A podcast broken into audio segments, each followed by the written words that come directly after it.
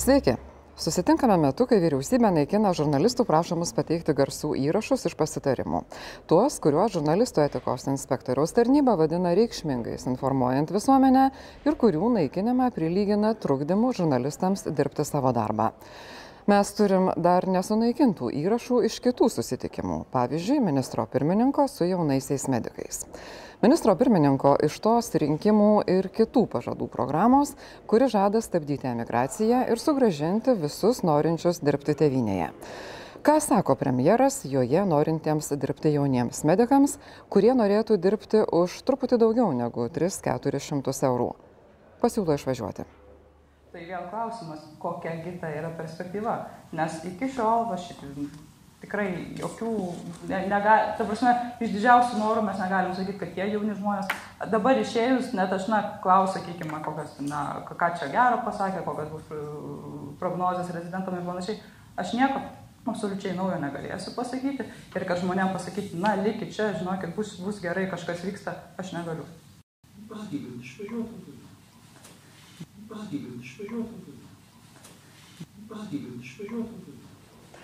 Kodėl rodom šį nenaują įrašą? Kad pagalvotume kartu, ką kalba mums parėdimus priimantys žmonės, kuomet jų nemato vaizdo kameros. Kuomet, kaip jie patys sako, susitikimai yra nevieši.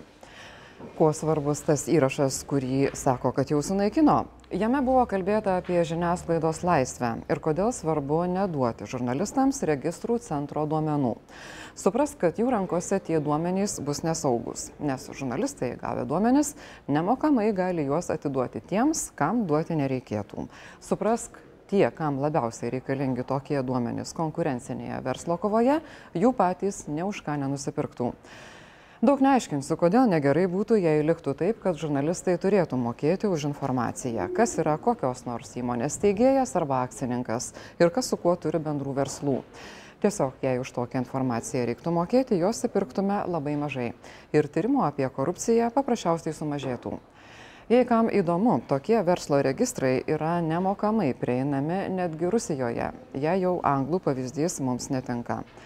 Ir dar, jei kam įdomu, nuo kitų metų prie tokių duomenų čia Lietuvoje nemokamai galės prieiti valstybės įstaigų tarnautojai. Bet ten taip išeitų visi patikimi ir duomenų pažįstamiems neperduos, kaip ir neparduos. Ką daro vyriausybė, kuri pati be žurnalistų turi apsaugoti savo piliečių asmens, ne verslo duomenis?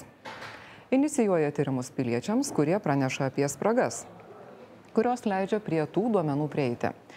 Vienas toks Darius Pavilaitis kartą parodė, kokia keura apsaugos sistema registrų centro e-sveikato sistemoje.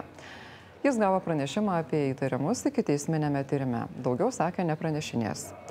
Tik tai tiesioginėme Laisvės televizijos eteryje, lyg ir atsisveikindamas su sistemos testavimu, ministrui Aurelijui Verygai padovanojo dovaną.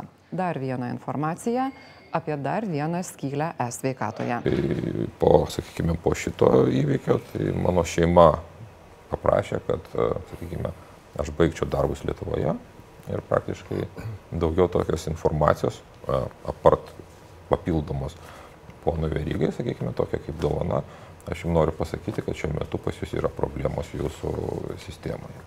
Ir kiekvienas pacientas gauna savo gydytojų duomenis. O dabar po šito pranešimo jūs inicijuosite tyrimą, iš kur ponas Pavilaitis žino, kad yra matomi gydytojo asmens duomenys? Mes inicijuosim pranešimą tom institucijom, kurios privalo pasirūpinti duomenų apsaugą. Registrų centras kitą dieną po tos laidos Laisvės televizijai pasakė, kad spraga likviduota, medikų duomenys maksimaliai apsaugoti, o asmens duomenų saugumo pažeidimo, dėl kurio būtų kilęs didelis pavojus medikų teisėms ir laisvėms, sistemoje neužfiksuota. Registrų centras sako, kad neturi informacijos, kurių gydytojų ir kokie asmens duomenys galėjo būti prieinami tretiesiams asmenims. Matot, jeigu turėtų, sveikatos apsaugos ministerija turėtų informuoti tuos medikus, kad jų duomenys matomi jos valdomos sistemos paieškoje dėl klaidos, kuri pasak specialistų ištaisoma per kokias dvi minutės ir be papildomų milijonų.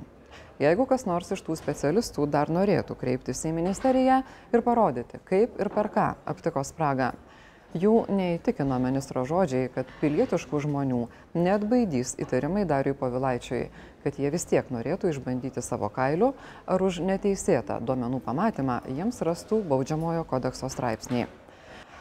Mes turbūt skirtingai suprantame ir žodžius maksimali apsauga, kuriuos registrų centras pritaikė e-sveikato sistemoje esantiems mūsų visų gydytojų asmens duomenims. Čia yra trys nuotraukos iš tos pačios e-sveikato sistemos praėjus lygiai savaitėjai nuo Dariaus Povilaičio pokalbio su ministru Aurelijum Veryga ir nuo tada, kai registrų centro teigimu medikų duomenys buvo maksimaliai apsaugoti ir niekam, kam nereikia, nebuvo prieinami. Mes paslėpėme medikų asmens duomenis, bet matėme. Ar matėm tik tai mes?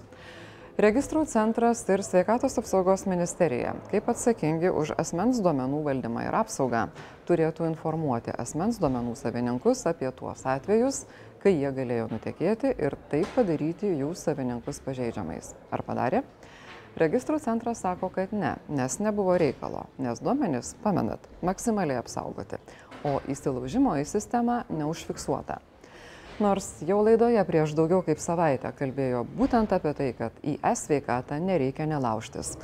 40 milijonų eurų kainavusi sistema veikia taip, kad tau nereikalingus ir neprieinamais turimus būti duomenis gali pamatyti neįsilauždamas, o prisijungdamas savo vardu iš savo kompiuterio. Kaip kad kartą tą buvo padaręs Darius Pavilaitis. Prisidengdami duomenų apsaugos reglamentu, Lietuvos valdininkai nori padaryti neprieinamais daugybę svarbių visuomeniai duomenų.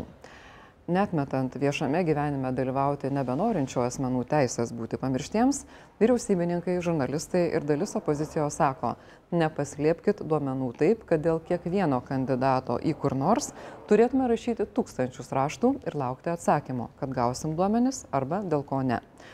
Sutvarkykit tuos, už kuriuos esate atsakingi. Pradžiai bent tuos, kurių turėtojus premjeras siunčia emigruoti - medikų asmeninius duomenis.